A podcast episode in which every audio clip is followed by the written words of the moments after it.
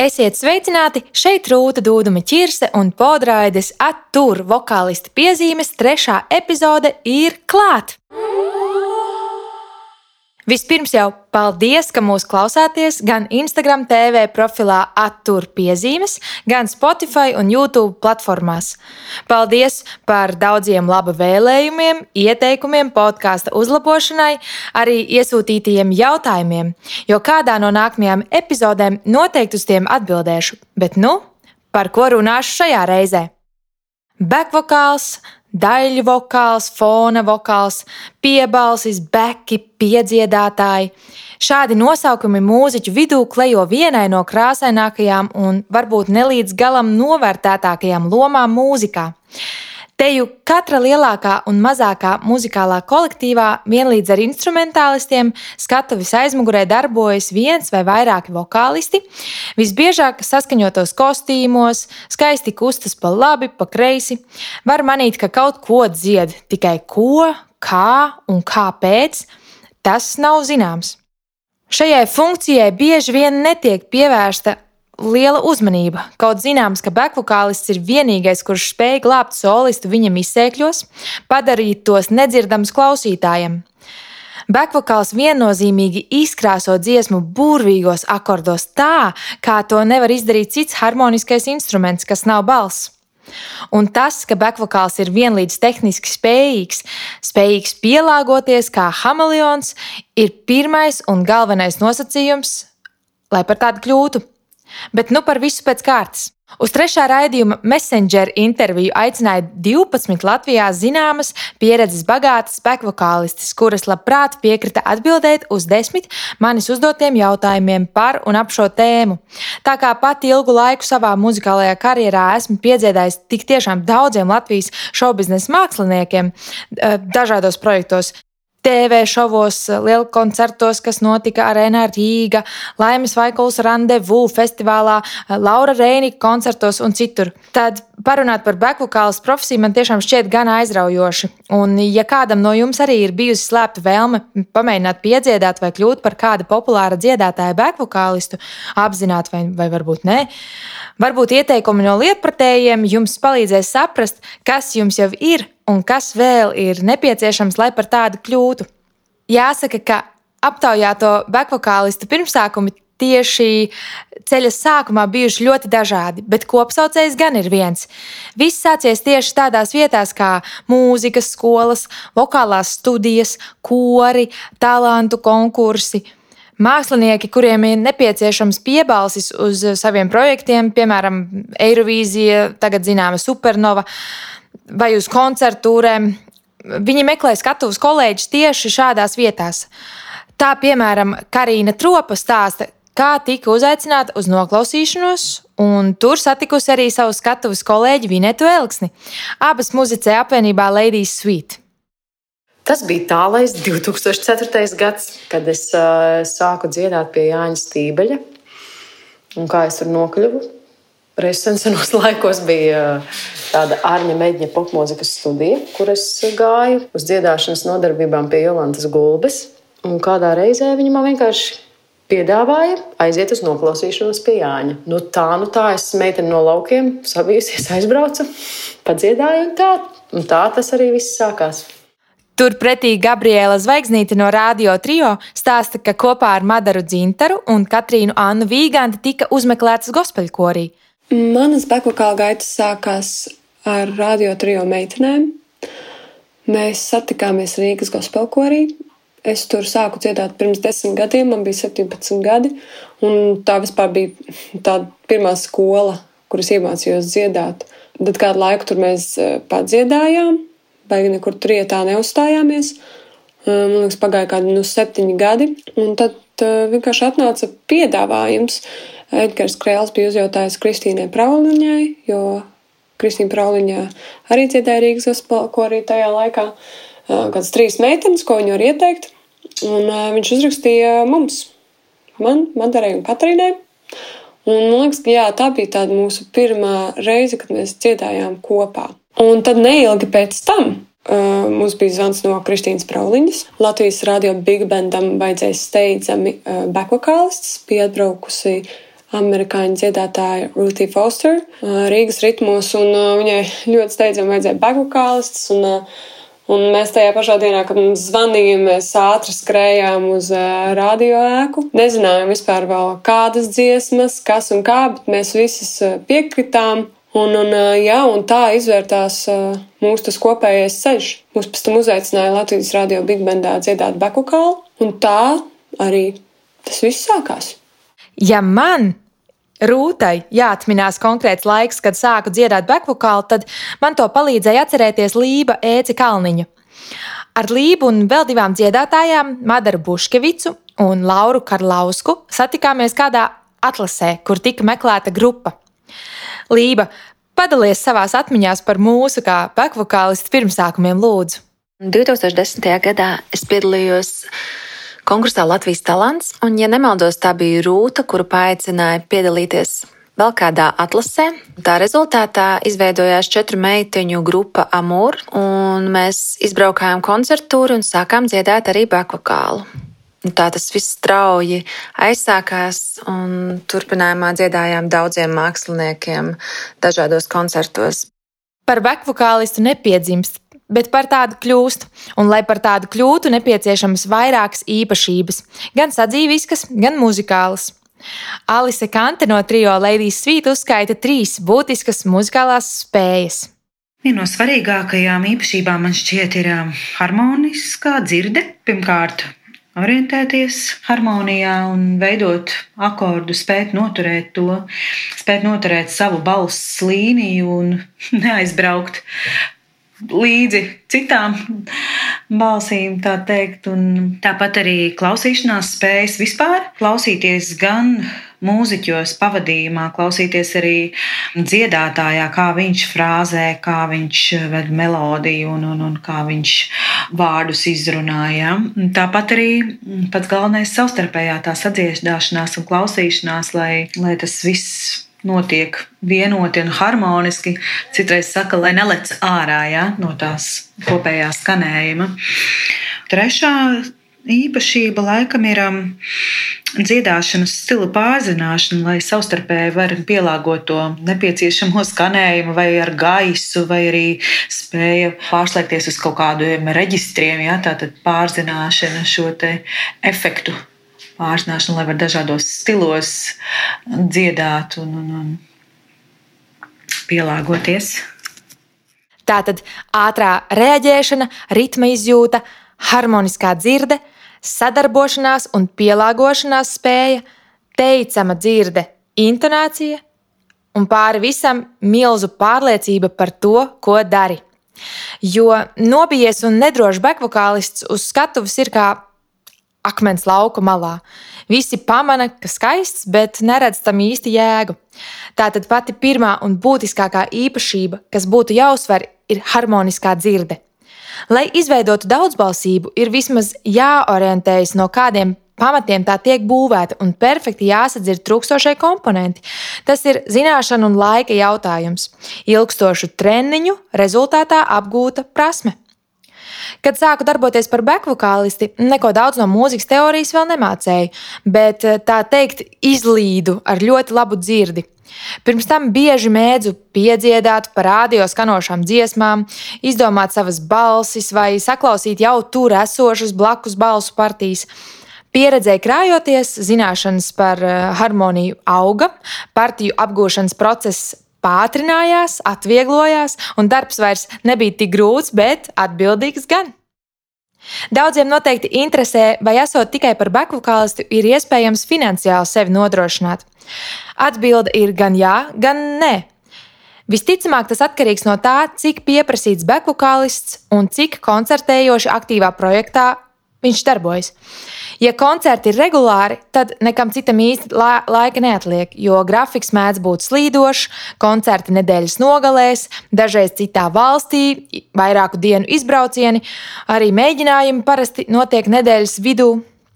Un, ja koncerta dzīve nav tik aktīva, tad, protams, var apvienot, un ir arī citas darba vietas, kā piemēram izglītības iestādes vai privātās vokālās uh, studijas un, un nodarbības, un arī ne ar mūziku saistīts darbs. Zane Biķe, sākotnēji repera Ozola bekvokāliste, Gunāra Kalniņa gospeļkora dalībniece, daudz un dažādu projektu dalībniece, kuras pamatdarbs pilnīgi un absolūti nav saistīts ar mūziku. Sākot no lidostas Rīga, nomu auto operators līdz pat darbam celtniecības firmā. Tāpēc vēl jau vairāk mani aizkustina Zanes teiktais par to, ko viņai nozīmē izraušanās uz skatuves. Bēkvokāls tie ir mani svētki. Tie nekad tā, tā nav mana profesija, to es neuztveru kā par profesiju. Tie ir reāli mani svētki. Um, pamatdarbs man vienmēr ir bijis cits, ar kuru es nodrošinu savu eksistenci. Jāatzīst, ka tik, tik bieži vai nebieži dziedot bekvokālu, es diemžēl nevaru nodrošināt savu ikdienu nu, tā stabili, es nevaru iet uz priekšu. Ir bijuši tādi laiki, kad es esmu varējusi to izdarīt, bet uh, Iet droši vien gadi, un laiki mainās, un parādās jauni dalībnieki, jauni bakukālisti un tā tālāk.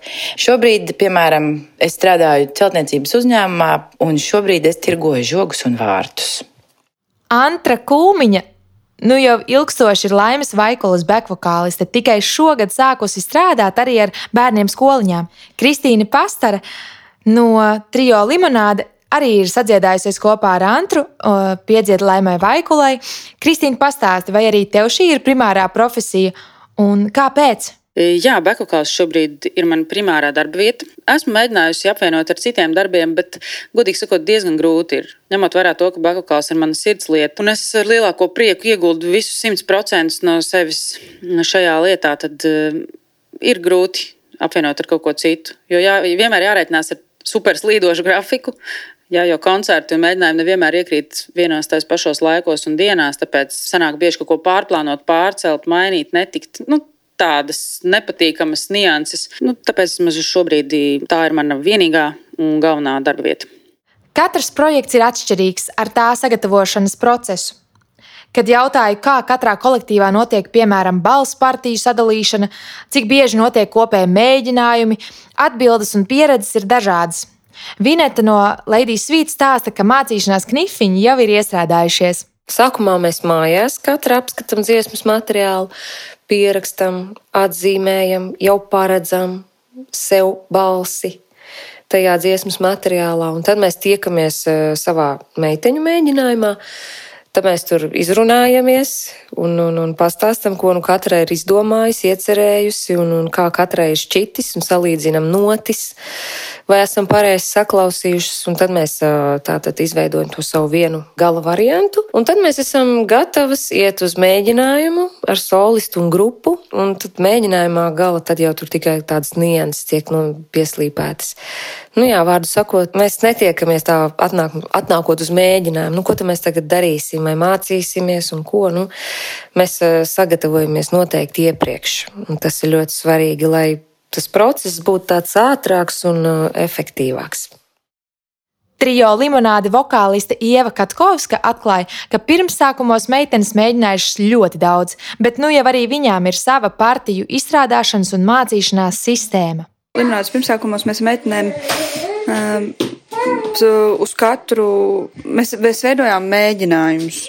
Un mēs ļoti bieži tikāmies, eh, kaut vai lai tikai jā, domātu partijas, mēs domājām kopā, bet kaut kādu pēdējo gadu laikā mēs esam izstrādājuši sistēmu, kurā pie lieliem projektiem mēs dalām dziesmas, un uh, katra no mums izdomā bekokāla partijas, un uh, ar šīm izdomātajām bekokāla partijām iepazīstinam uh, pārējās vai nu ar audio fail, failos, vai nu arī satiekoties.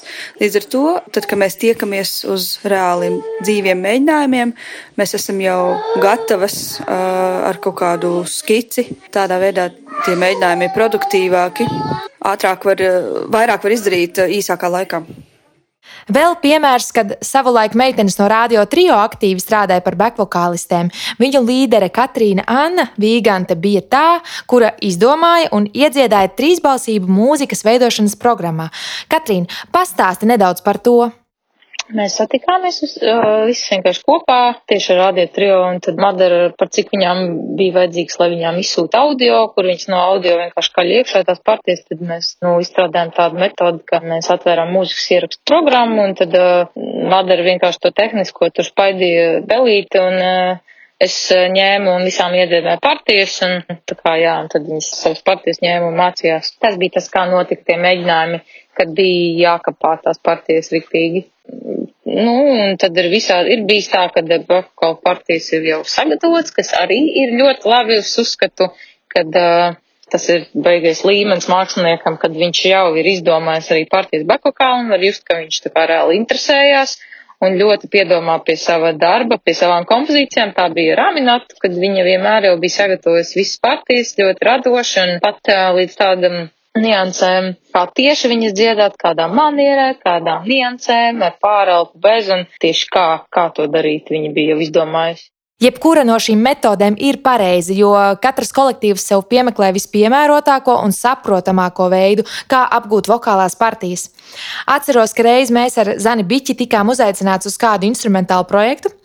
Bekvokālam bija vairāk tāda vokalīžu veidā izrakstītu partiju funkcija eh, jāveic. Projekta vadītājs vienlaicīgi arī projekta pianists ar mums tikās, lai kopā izmēģinātu pārbaudīt katru no mums un katru viņa rakstīto noti, lai tā tiktu izdziedāta precīzi. Ja apvienojam visas šīs metodes, tad jāsaka, ka viens no visērtākajiem veidiem varētu būt šāds, ko mums piedāvā Lība. Mēģinājumu un sagatavošanās process ir bijis ļoti dažāds, bet, manuprāt, visefektīvākais un ātrākais ir bijis tad, kad eh, Bekokāla dalībnieki satiekās kopā, bet atsevišķi no pārējiem mūziķiem pirms vēl sākās kādi lielāki mēģinājumi. Ja materiāls nav sarežģīts, tad uh, efektīvi ir satikties kopā un kopīgi klausīties. Mūziku un dalīt jau līdz idejas, sadalīt partijas. Man ir bijis gods sadarboties ar ļoti muzikāliem un gudriem cilvēkiem, un mēs bieži vien nepierakstam, bet ļoti ātri jau sadalām un atceramies savus partijas. Vēl noteikti ir būtiski pirms šāda mēģinājuma sazvanīties ar muzikālo vadītāju, iespējams, arī ar solistiem, noskaidrot viņu vēlmes un e, idejas. Varbūt viņiem jau ir kaut kas ieplānots, kā, kāda varētu, kādas varētu būt bekokāla partijas. Uz skatuves mēdz atgadīties dažne dažādi misēkļi. Atceros, ka reiz jau sākot skanēt pirmās dziesmas ievadam, mēs ar otru bekvokālistu Martu Kukarani nevarējām atrast repes uz skatuves. Tad nu vēlāmies, burtiski vēlāmies pāri kaut kādiem dēļiem un paspējām iesākt dziesmu. Bet uh, vissmieklīgāk ir klausīties koncerta ierakstu, tieši bekvokālu mikrofonus, tad, kad ir veikts eh, koncerta ieraksts, jo dažreiz tur tiešām skan lieli brīnumi. Ne tas, kas izmēģināts, īpaši, ja jāpiedzied ne savā dzimtajā valodā. Un notis dziesmai ne tai lēnākajai iedotas koncerta dienā. Tad vienā frāzē var dzirdēt vismaz piecu valodu miksli. Par saviem Feiliem stāsta arī Katrīna no Radio Trio, Ilūta no Limonādes, Santa Šillera, Lība Ēci Kalniņa un Zane Biķe. Man kaut kā ir no muzikas skolas iegājies, iemācīts tas, kad ja kaut kas sajūgt, tad uh, vienkārši ar ļoti gudru seju ņemt un uh, izdomāt radošu aizpildījumu tai vietai. Līdz ar to, ja man kaut kas jūgt, tad turpinu un vienkārši ņemu un uh, tajā vietā sadziedu kaut kādas improvizācijas. Mana fail situācija bija aptuveni pirms kādiem četriem gadiem, varbūt pieciem, prātvētras stūrē pirms viena no lielajiem koncertiem ģenerāla mēģinājumā. Mums ar meitenēm bija tā kā solo tāds iznāciens, nu pat ne solo, nu kopā ar, ar Renāru izvirzījāmies skatuves priekšā ar, ar deju kustībām un, un, un vienā rokā radiomikrofons, otrā rokā tamburīns. Un tagad, lūk, sākās, tuvojās tā partija, jau mums jāiet priekšā, mēs tur dejojam, ejam priekšā un, un jāsāk ir dziedāt. Un es tagad lieku pie mutes, un ko es lieku pie mutes? Es lieku savu grabuli, nevis radio mikrofonu. Protams, visiem ir ļoti smieklīgi, jo, jo radio mikrofons stāv turpat uz podesta statīvā. Nu, tas tajā brīdī likās ļoti uzjautrinoši. Tāda varbūt pēdējā, kas manā atmiņā ir palikusi, ir Nu, primāri tā jau ir tāda problēma, kas ļoti bieži citreiz ir sanākusi, kas skar tehnisko pusi, kad katram bakukālam tiek iedota sava ausa monitora šī kastīte, kurā tu vari pieregulēt savu balsi klusāk vai skaļāk. Citreiz šīs kastītes kaut kā ir samainījušās ar vietām. Tad, kad tas notiek ar kādu citu bakukālistu, kad tu sāc dziedāt un tu dzirdi, ka tu dzirdi nevis savu balsi, bet savu blakus esošā balsi, tad jau kaut kā paklusotu viņu var apmainīt koncerta laikā laikā un atrisināt situāciju. Bet, Pati pēdējā situācija bija, kad mana kastīte bija samainīta ar solista kastīti. Tā bija diezgan mistiska sajūta, jo pusdziesmu tu domā, kāpēc, kas notiek, kāpēc es sevi tik slikti dzirdu un kāpēc es solistu dzirdu tik skaļi. Kaut kā tā uz iekšējo dzirdi pārsvarā un uz kaut kā tādu adrenalīnu tu izēj no tās situācijas un dziesmē līdz beigām tiec. Es bieži sapņoju, kad es nepaspēju saģērbties vai uzkrāsoties, un jau jāiet dziedāt, bet tik traki nav bijis. Ir, es esmu nožagojusies dziesmas laikā mikrofonā, ir kur piesprūdusi vairākas reizes skatos dēļos, un es esmu noteikti neuznākusi uz kādu dziesmu, aizmirsus, ka man tajā jāpiedalās. Viens no maniem tādiem foršiem spilgtiem failiem bija Supernovā supernovas mēģinājumā, kad nu, tu esi jau tērpā. Nākošā dienā ir lielais pusfināls. Tā kā es apģērbies priekš kamerām, safilm, saģērbies, sagrimmējies un eju skatuves un vienu mēģinājumu jau izdaru. Tas notiek kino studijā, šausmīgi augsts tur. Un manam, manam skaistajam skatuves tērpam es esmu paņēmusi līdzi tādu šallīti, kuras, nu, tā piesadzos starp dziedāšanu, lai nenosaltu. Un tagad uh, ir pauze starp pirmo un otro dziesmas mēģinājumu. Un tad es domāju, nu tagad sāksies tās otrā, otrais mēģinājums. Paņemšu to savu šallīti, noņemšu no pleciem un nolikšu skatuves malā un skatuve ir pilnīgi melna, visur spīd strobi acīs. Un es tā kā kāpjos lejā, no nu, tā kāpjos apakaļ skatuves aizmugurē, lai noliktu šālīti. Pēkšņi es jūtu, ka man pazūd pamats zem kājām, un es nenormāli maucos zemē. No skatuves kaut kur iekšā, kaut kādā bedrē, krītot, es saprotu, ka es nokrītu uz baigajiem vadu muģekļiem. Es tagad krītu, un laikam es esmu salauzus kājus, sūdz pa kāju, galvenais, ka tā nav kleita kas ir saplīsusi. Nu, tad es nokrītu tajā bedrē, saprotu, ka nevaru piecelties, un atskan uh, Ilzas Jansons balss, vai kādam šeit nepieciešama ātrā palīdzība. Ātrākais veids, kā vispār es esmu nopelnījusi, esot par bekvokālisti, bija vienreiz, kad mums zvana. Mēs ar, mēs ar Ievu Krēviņu toreiz abas darbojāmies kā bekvokālistis un zvana mums, vai mēs negribam nodziedāt eh, ogrē koncertā vienu dziesmu. Nu, mēs, protams, piekrītam, un tas ir pēc divām dienām. Vajad, nu, vajadzētu, nekas tur sarežģīts nav tikai uz UA, un vajag saņemties un atnākt noklausīties vienkārši tā. Nu, mēs piekrītam, mums par to toreiz tajā laikā piedāvāja katrai 50 latus samaksāt. Par to vienas dziesmas nodziedāšanu mēs aizbraucam uz turieni.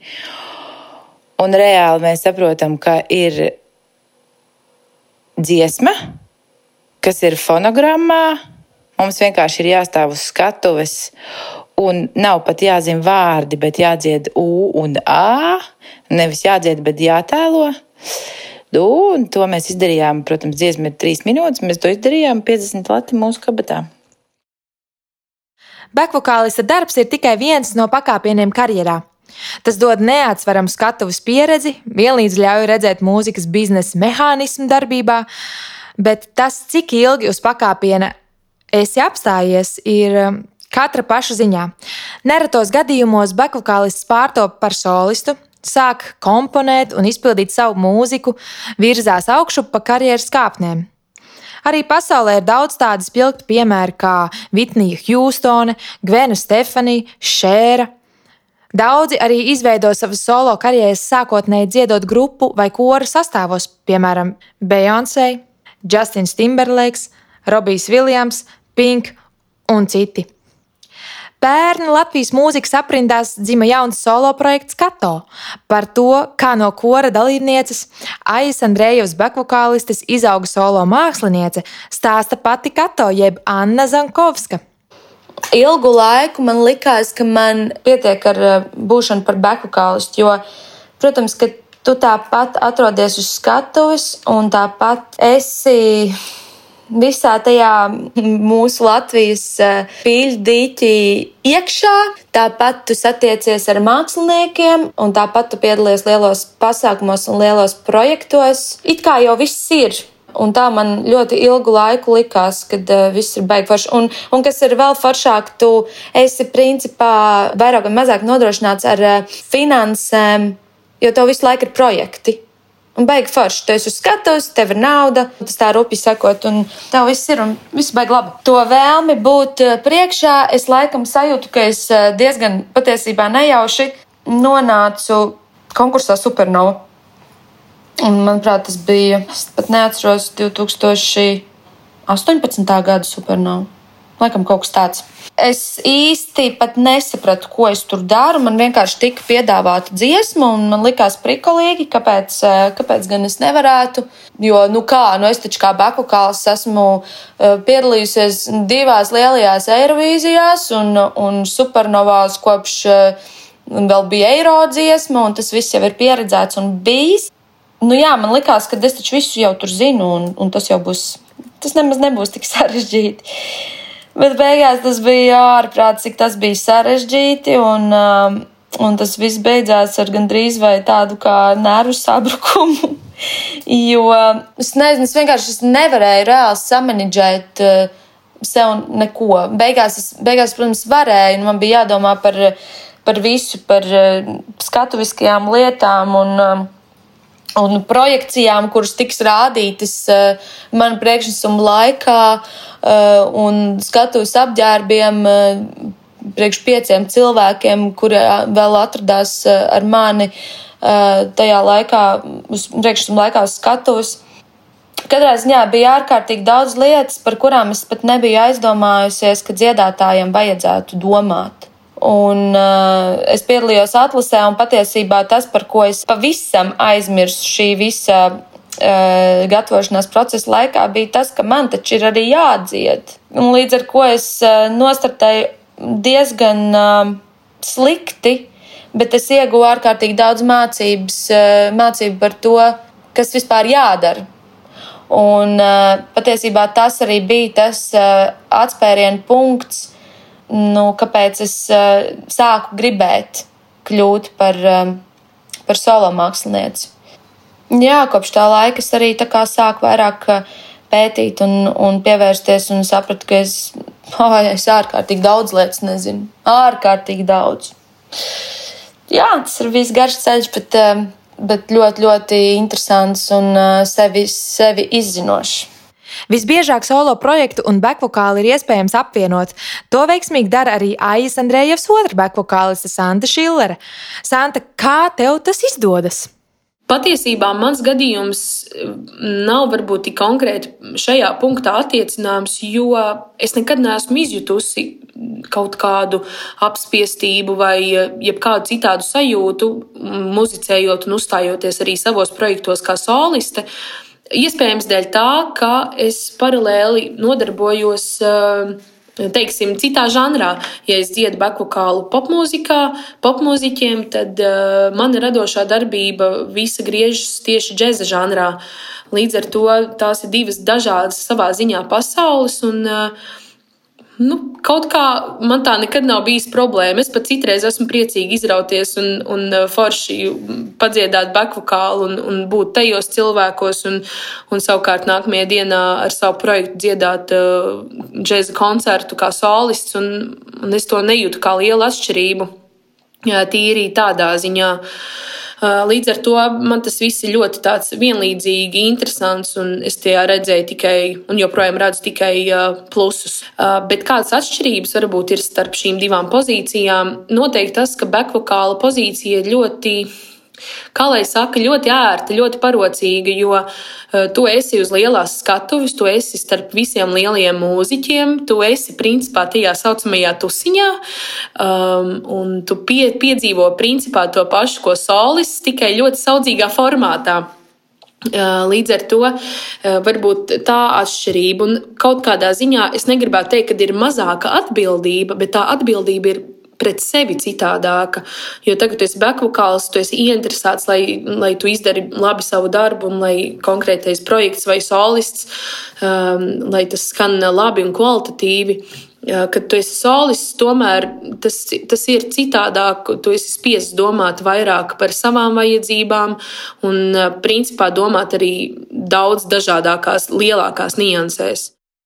Laimas Vaikulas bekvokāliste Antra Kūmiņa, tāpat kā Zane Biķe, atklāja, ka kādam piedziedāt, atrasties ne solista vietā, tomēr ir drošāk un ērtāk. Zane, kāpēc tā?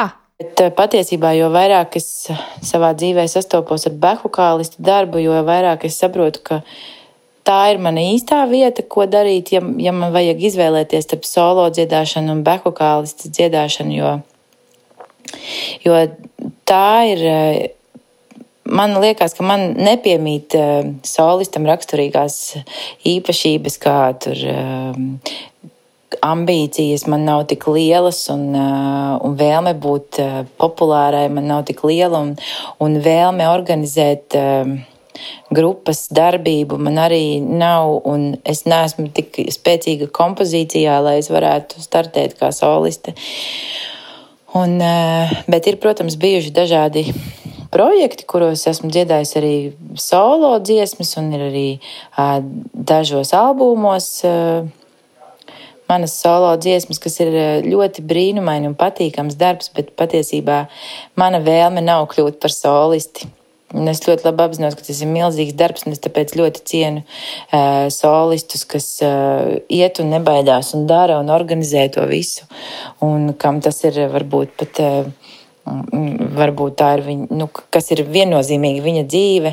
Es tā noteikti šobrīd eh, nevarētu, nespētu to darīt, bet uh, backvokāls tā ir lieta, kas man sagādā milzīgu prieku un, un baudu, un, un tā sajūta, ka tu piedalies kāda kāda cilvēka idejas realizēšanā. Nu, man, kā es atgriežoties droši vien uz pirmo jautājumu, man ir jāsaka, ka Un tā ir tā, tā maģija, kuru tu šeit vari izpildīt, e, darbojoties komandā. Tas man ir daudz būtiskāk un svarīgāk nekā būt e, solo dziedātājai.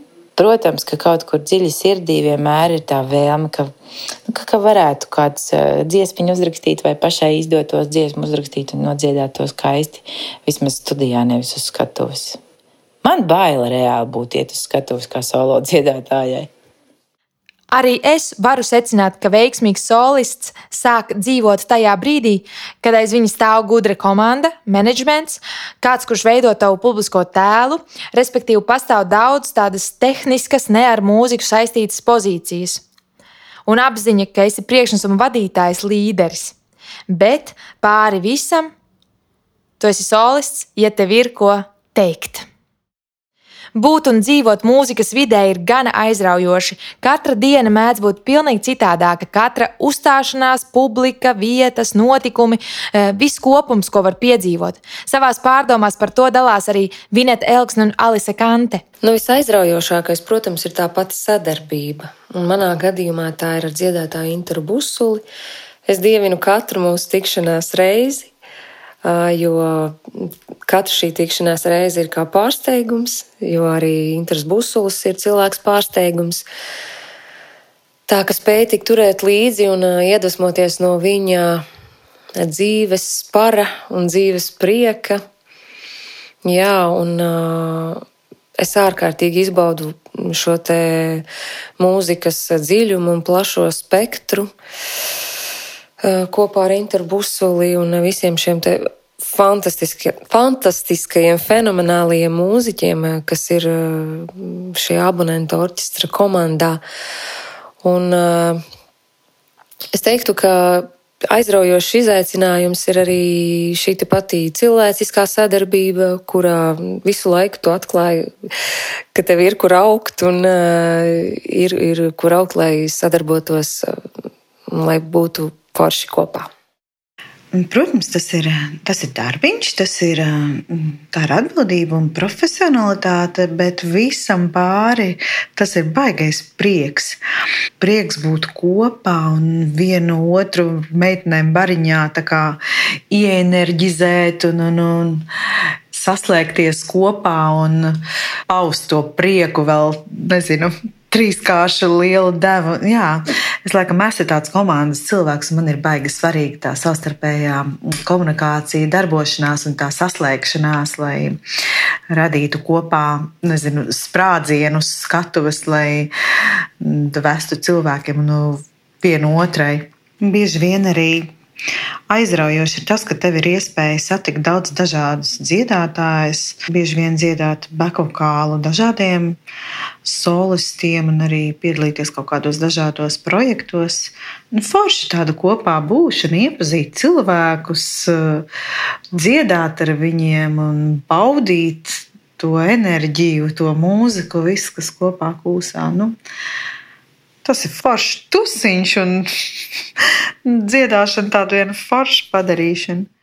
Paldies, meitenes!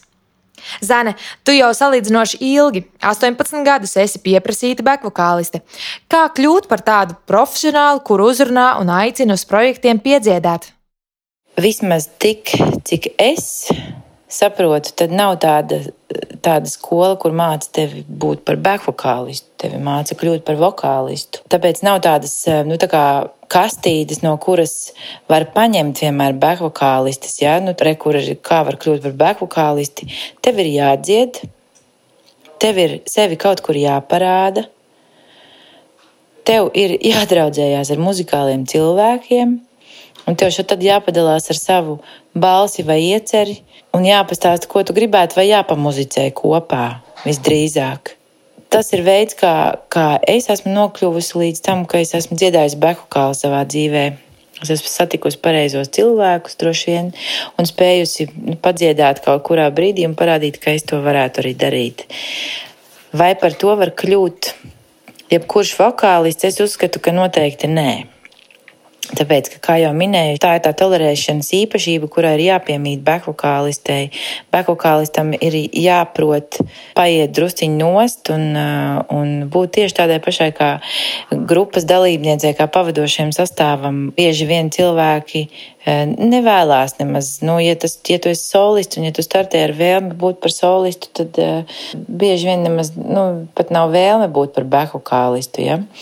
Un, uh, un vēl kas ir, ir jāmāk klausīties. Un man ir bijusi pieredze dziedot ar, eh, ar solistiem, kuri. Pieņemsim, kuri vispār eh, neizprot īsti backvokālistu darbu, lai cik tas dīvaini nebūtu. Bija tāds gadījums, ka viņai pat backvokāls ausīs pat nebija ielikts, no ausu monitorā ielikts. Viņa pat nedzirdēja, ko mēs dziedam. Viņai nevajadzēja to, bet to vajadzēja producentam, kas gribēja, lai skaisti skanjam. Ja? Un eh, tāpēc par solistu nevar kļūt jebkurš, jo solistam eh, parasti ir arī tā, ka solistam daži, dažkārt ir ļoti izteikta kaut kāda, izteikts kaut kāds balss tembrs, ja. Tad ir, eh, kurš ir odziņa, kurš izceļās kaut kādā ziņā uh, Tāpat kā tāds nu, labs solists, eh, iespējams, nu, ne, nerunājot par akadēmisko dziedāšanu, bet tāds solists, piemēram, nu, nevar dziedāt vairs korī, ja? tāpēc, ka arī tur viņš nevarēs, eh, arī tur viņš solēs. Un uh, bieži vien šī solēšana tā ir tāda lieta, kas nu, bekugālistam galīgi nav vajadzīga. Viņam ir jāmāk saplūst ar, ar fona skaņu, ar, pavadību, ar pavadījumu. Jautāju TV šovu bekvokālistei trio limonādes dalībniecei Kristīnai Pastarei, vai arī viņas prāt bekvokālistam ir jābūt labākam vokālistam par solistu. Es domāju, ka eh, par ļaunu nenāk, ja bekvokālists ir vismaz tikpat tehniski prasmīgs un jaudīgs kā solists. Um, bieži vien partijas pārklājas ir vietas, kur eh, solistam ir kāda improvizācija, un bekām tur jātur stabila melodija ir labi, ka to var izdarīt, ka ir tāda iespēja.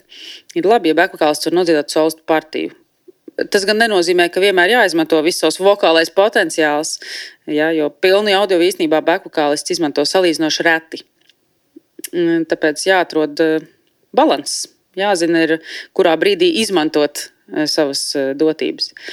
Bet par sliktu tas noteikti nenāk ja, ja bekokālists ir vismaz tikpat labs uh, un lieliski, ja labāks nekā solists, protams. Madara, kā tev šķiet, vai piekrīt šim faktam? Tā varētu vienkārši gadīties. Nevienmēr solistam jābūt izcilam dziedātājam. Un tad ir iespējams, ka varbūt bekokālis ir labāks dziedātājs. Bet uh, tas laikam būtu vairāk kaut kādā oriģināla mūzikā, kur autors, dziesmas autors, izpildītājs, solists to izpilda tā, kā viņš izpilda, un uh, tur nav varbūt vajadzīgs būt vislabākajam dziedātājam. Varbūt gadās, ka tas bekokālis ir vienkārši labāks dziedātājs, bet es, ne, es neteiktu, ka tā jābūt. Es teiktu, vienkārši tā, bekokālistam jādara savs darbs, un uh, solistam jādara savs darbs, un tie ir ļoti dažādi uzdevumi. Un, uh, nezinu, vai te, tur var salīdzināt, kurš ir labāks dziedātājs. Kā jūs teicat, tas viss ir atkarīgs no tā, kāda veida projekts tas ir. Santa, tu pašlaik studē mūzikas akadēmijā. Kā tev palīdzējušas mūzikas teorijas zināšanas? Personīgi es nevaru iedomāties, jebkuru savu darbību veicam līdz šim, kā bekvokālisti, ja man nebūtu šo zināšanu. Man vienkārši tas liekas ļoti dabiski, ļoti parocīgi. Eh, jebkuru situāciju tu vari ļoti ātri atrisināt, jo tu redzi eh, iemeslu, kāpēc kaut kas nav sanācis. Teiksim, tur izmainīt harmonijā vienu noti. Nav problēmas apsēsties pie klavierēm, redzēt uzreiz eh, teorētisko pamatu, kāpēc kaut kas nav skanējis, un to vienkārši sekundes laikā izlabot. Um, tikpat labi arī nav problēmas paņemt toni vai ļoti patiesībā fundamentālas lietas, kas skar bekvokālista ikdienu, mūzikas teorija tikai kā palīgs, un, un tas palīdz arī tev pašam. Līdz ar to personīgi es to vienmēr esmu uztvērusi un sajutusi kā plusu sevī, bet, bet eh, vai tas ir tāds vienīgais ceļš, es noteikti teiktu, ka nē.